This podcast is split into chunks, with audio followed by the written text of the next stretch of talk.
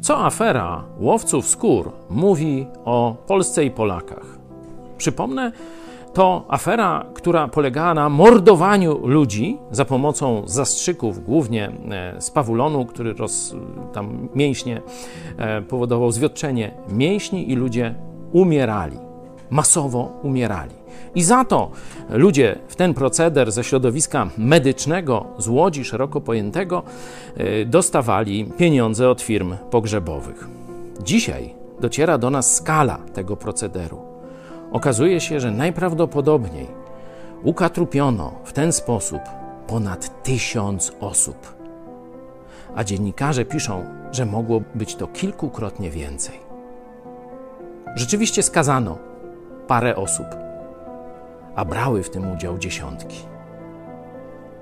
Środowisko elitarne, bo medyczne, ratownicy medyczni, dyspozytorzy pogotowia, lekarze, pielęgniarki, farmaceuci, którzy lek, ten lek, że tak powiem, na masową skalę, 1250 ampułek niepotrzebnych w ogóle w pogotowiu zostało do pogotowia przekazanych. Wiadomo do czego, do mordowania ludzi. Co to mówi nam o Polakach? Przecież ci ludzie w niedzielę chodzili do kościoła katolickiego w większości.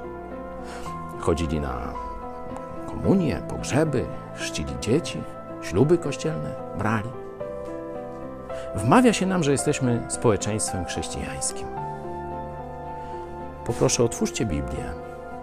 Drugi list apostoła Pawła do Tymoteusza, gdzie opisuje społeczeństwo niechrześcijańskie. I zobaczcie, czy ten opis nie pasuje do Polski.